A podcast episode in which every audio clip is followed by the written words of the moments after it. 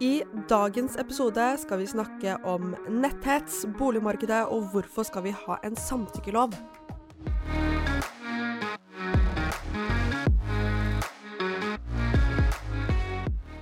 Velkommen til en ny episode av podkasten På tinget. Jeg heter Natalia Åkre, og med meg i dag så har jeg SU-leder Synnøve Kronen Snyen. Velkommen så mye. Tusen takk. Nå har vi jo vært eh, litt borte fra den podkasten her fordi at jeg har vært syk. Eh, har du vært frisk og rask, eh, Synnøve? Jeg har også hatt korona, men jeg ble ikke Ja. så veldig syk, heldigvis. Nei, altså jeg hadde jo ikke korona, eller jeg var helt sikker på at jeg skulle ha korona siden samboeren min hadde korona, men det fikk jeg ikke tydeligvis. Så jeg må være immun på et eller annet eh, vis. Men å være syk i to uker uten å få den immuniteten, Ja. veldig bittert. Ja. Men eh, som sagt så er jo du SU-leder, og ble det i eh, 2020. Og hvordan er egentlig det? Det er kjempegøy. Det er et privilegium å være SU-leder. SU er jo verdens beste ungdomsorganisasjon, sånn at det å få lov til å lede SU er eh, ja, utrolig givende og ut utrolig spennende. Men det å være SU-leder på hjemmekontor, det er litt stusslig. Det er litt stusslig. Ja.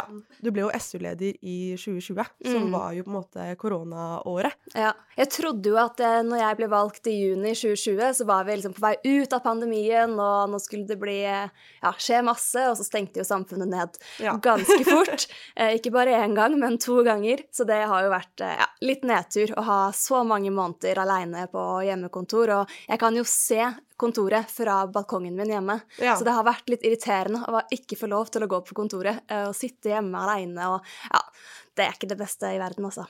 Men eh, det er jo mye ansvar å være SU-leder. Og er det noen ting med jobben som du på en måte ikke var eh, helt forberedt på? For eksempel sånn med tanke på eh, at du møter motstand, da. For det å på en måte være eh, SU-leder, og spesielt kanskje på venstresiden eller hos SV, hvor man kan møte litt eh, motstand og kanskje netthets osv. Var det noe med det som du på en måte har syntes vært ubehagelig eller ikke var helt forberedt på? Nei, egentlig ikke, men eh, jeg har blitt kanskje litt overraska over eh, hvor tøffe SV har vært i prioriteringene sine, da. At Ja. det er vanskelig å liksom få frem, eller få SV til å løfte frem de nye, store ungdomssakene fordi man har valgt hvilke saker man skal prioritere allerede. Så det har kanskje vært liksom det mest eh, krevende som jeg ikke var helt forberedt på. Men jeg opplever at vi er veldig godt tatt imot i SV, og jeg er jo heldig å få møte i både sentralstyret og landsstyret og på gruppemøtene her på Stortinget på vegne av SU, og ja, man får alltid mye positiv respons når man løfter eh, saker som er viktige for eh, SU, så det er jeg veldig takknemlig for. Ja, og når du, måte, når du er med i SV eller SU, så har du på en måte mange folk i ryggen. Ja. Det kan jo også måte hjelpe lite grann. Jeg ser jo at det er mange som engasjerer seg politisk på sosiale medier, eksempel. Jeg ser jo mange poster på Story eller liksom deler videre innlegg eh, på Instagram. Eh, eller Facebook eller eh, TikTok eller overalt. Eh, men tror du at når man er som en enkeltperson, at det kan være vanskelig å engasjere seg fordi at man er redd for hva andre syns? Ja, det tror jeg absolutt. Og jeg tror den enorme liksom, netthetsen som fins ute i samfunnet, som man jo ser hvis du leser kommentarfelt eller ja, et eller annet, det gjør at folk vegrer seg for å ta standpunkt i Mm. saker og kaste seg ut i en debatt uten å liksom, være helt sikker på nøyaktig hva man mener. Og det gjør at eh, færre tør å prøve seg fram da, i politikken. Og jeg mener jo at det er viktig å kunne ja, gå inn i en diskusjon og også kanskje bytte mening hvis du hører motargumenter. Og det opplever jeg at er litt vanskeligere når eh, det føles som en stor terskel å ta et politisk standpunkt i det hele tatt. Da. Um, så det syns jeg er veldig trist. Men jeg syns jo egentlig ungdom er ganske flinke på det likevel. Det er jo ikke ungdom som hetser ungdom, først og fremst. Det er jo ja, litt eldre mannfolk på, som sitter hjemme og foran tastaturet, som driver først og fremst eh, ja, det store omfanget av netthets som foregår i dag. Og det opplever jeg at uh, ungdom har vært veldig flinke til å backe hverandre i eh, ja, når det skjer, da. Og det er veldig bra. Og vi har jo hatt uh, flere eksempler uh, i SU hvor uh, eksempel da, lederen i Stord SU hadde hatt uh, en aksjon mot oljeleiting sammen med lokallaget sitt, og de hadde vært eh, kjempeflinke og ringt lokalavisa og bedt de lage sak om det, og det hadde jo lokalavisa gjort, og så hadde de lokalavisa skrevet sak og delt den videre på Facebook, og eh, i kommentarfeltet så fikk de drapstrusler. Oi. Og det er bare Jeg syns det er vanskelig å forstå at folk gjør det. Mm. At jeg tenker at i dag skal jeg drapstrue en 16-åring. Jeg, jeg syns det er så vanskelig å forstå.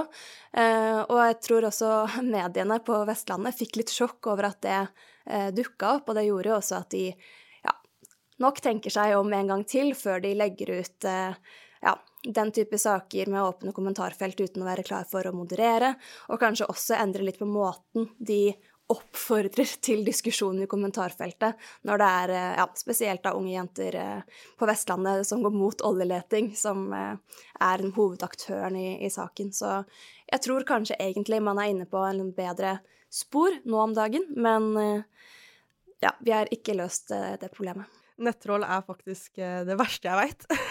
Ja, og det ødelegger jo demokratiet, da, og det ødelegger ytringsfriheten, fordi det rammer så utrolig skeivt. Vi vet at unge er mer utsatt, vi vet at jenter er mer utsatt, minoriteter er mer utsatt, skeive er veldig utsatt. Og det Ja, da mister man jo noe viktig i demokratiet hvis alle de stemmene forsvinner. Det skaper jo ikke eh, bedre ytringskultur, da. Så hele den debatten om ja, men jeg må jo få lov til å si det jeg mener. Ja, som samfunn skal vi tåle å høre ting man ikke er enig i, men hets og sjikane, trusler, drapstrusler, det ødelegger eh, bare demokratiet og ytringsfriheten for alle de som blir rammet av det. Mm. Man må jo kunne forstå at man kan ha forskjellige meninger uten å gå rekte på personen. Det burde man. Eh, og hva er det de viktigste sakene for SU nå? Nå nærmer det seg jo 8.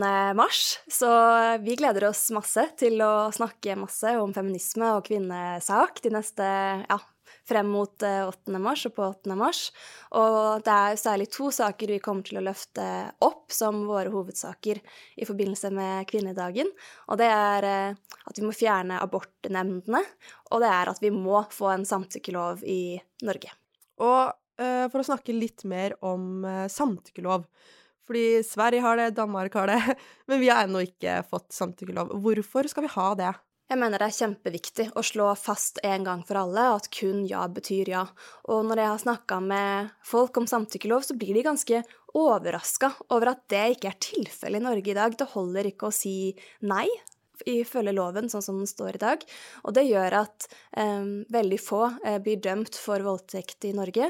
Og det sier også noe om hva vi som samfunn mener om voldtekt, når det ikke engang holder å si nei for at det skal defineres som voldtekt i loven. Så det er viktig både for å få flere overgripere dømt, og for å endre holdningene. Og det er jo veldig mange som måte eh, kan kødde litt med, da. At eh, hvis du skal eh, på byen, så har du med deg en kontrakt. eh, sånn Eller at en app, skrive eller ja. Ja, et eller annet sånn. Bare ja, før vi skal ha sex, så må du liksom underskrive her. Ja. Eh, og det er jo ikke helt sånn Det er Det er jo egentlig motsatt, fordi poenget er jo at ja, man kan si ja, og så kan man angre. Mm. Det må jo være lov øh, å si først ja, og så si nei, og så får man stå ja, for skriver det man så da må jeg, altså. Det er ikke, det er det ikke sånn det er. Ja, det er ikke sånn det er, og i praksis så tror jeg veldig mange unge skjønner samtykke. Det Ja. er Man kan spørre, man kan snakke sammen, det er ikke egentlig veldig vanskelig. Men det er viktig at man snakker om det i seksualitetsundervisningen, f.eks. på skolen. Um, at det er viktig å være helt sikker på at den du tenker at du skal ligge med, også har lyst til å ligge med deg. For det er jo ikke fett, liksom, å eh, krysse noen grenser. Det er det jo egentlig ingen som vil, tror jeg. Eller veldig få, i hvert fall. Mm. Da har vi kommet til lytternes spørsmål. Fordi eh, jeg har da spurt på Instagram hva er dere lurer på, som jeg kan stille Synnøve. Eh, og da tenkte jeg å bare gå gjennom en lite utvalg som jeg har valgt ut her. Vi kan starte med et veldig lett et. Hvor gammel er du? 25. Ja. Hvordan ble du leder? Oi. Um, jeg var eh, første nestleder i SU før jeg ble leder, så ja, det var jo ikke så Eller jeg følte jeg visste hva jeg gikk til når jeg ble valgt som leder. Og før det så var jeg lokallagsleder i Follo SU når jeg var ja, 16 år ca. Og så ble jeg fylkesleder i Akershus. Og så eh, har jeg sittet i kommunestyret eh, i Oppegård, eh, ja, som nå heter, Nordre Follo. Men eh, jeg ble valgt inn eh, i kommunestyret i 2015. Da var jeg akkurat fylt eh, 19 år og satt aleine i kommunestyret eh, på vegne av SV i fire, fire år. Det var veldig, veldig lærerikt. Eh, ja, så det er liksom de veiene inn jeg har hatt i SU og frem til i dag, da. Mm. Så er det noen som lurer på om uh, hva du mener om ananas på pizza. Jeg er for ananas på pizza. Nei! Jo. men altså, jeg må jo ikke ha ananas på pizza, Men Nei. det er ofte Du syns det er godt, godt, liksom? Ja. ja. Men jeg er veldig glad i ananas. Jeg har jo ananas på taco og eh, til dessert og ja. Jeg Oi. spiser faktisk ganske mye ananas. Ja! Generelt bare glad i frukten. Ja. ja. Hvem er miljøverstingene, og hva kan man som enkeltindivider gjøre? Vi i SU er jo opptatt av å aldri skylde på individene for klimaendringene, fordi det er systemet som er problemet. Vi vet at eh, det er 100 selskaper som står for over 70% av verdens klimagassutslipp. Og et av de selskapene, det er eh, norske Equinor. Eh, norsk olje og gass er en klimaversting internasjonalt og i Norge. Det er det som er de store utslippskildene. Og det er ikke min eller din feil at norsk olje og gass koker kloden, så vi skal ikke gå rundt og føle på masse klimaskam. Men det er viktig at man um, tar til gata og protesterer mot de selskapene som koker kloden, rett og slett. Og det tenker jeg er det viktigste man som enkeltperson kan gjøre, er å demonstrere og si klart og tydelig ifra om hva man mener. Og så er det et politisk ansvar å løse klimakrisa. Hvordan vil SV hjelpe førstegangskjøpere i boligmarkedet? Jeg mener at det aller, aller viktigste det er at det må bli mindre lønnsomt å eie andre sin bolig. I dag er, eh, hvis du har masse penger, da, så er det å investere og kjøpe leiligheter i de store byene noe av det aller mest lønnsomme du kan gjøre. Det, er, eh, det tjener man helt vilt mye penger på fordi boligprisene har økt så mye. Og det er jo det at så mange kjøper sin andre, tredje, fjerde bygård nummer én, bygård nummer to, som gjør at prisene presses oppover. Fordi man blir jo mange om beinet når folk skal ha 100 boliger, eller 1000, som det også er enkeltpersoner som har i Oslo. Uh, så det er det aller, aller viktigste. Og så mener jeg også at vi er nødt til å prioritere å bygge ut en tredje boligsektor. Og det betyr f.eks. at uh, man kan uh, begynne å leie en leilighet, og så kan man eh, kjøpe seg inn gradvis mens man betaler leia. For det som er bittert, da Jeg leier også eh, i dag, og det er litt bittert å bruke så mange tusen hver eneste måned på å betale ned noen andre sitt lån, og ikke sitt eget lån. For det er jo dyrere, egentlig, å leie enn å eie. Så det er urettferdig at eh, veldig mange unge ikke har mulighet til å kjøpe seg sitt eget sted å bo, men er nødt til å betale i dyre dommer for eh, en ja, kanskje ofte litt kjip eh, leilighet eh, ja, som, som, eies av en sykt rik person eller et selskap som også tjener helt vilt mye penger. Ja, for jeg merker sånn Boligprisene i Oslo nå, de bare stiger, stiger, stiger, stiger. stiger. Det er jo spare. Slutt. Det er ikke mulig å spare så fort, ja, egentlig. Ja, for du skal ha jo egenkapital, ikke sant? Ja. Så sparer du til, sparer du til, så de bare stiger og stiger, så du får liksom aldri komme deg til mål, da. Nei. Man er avhengig av eh, at foreldrene dine kan hjelpe deg, f.eks.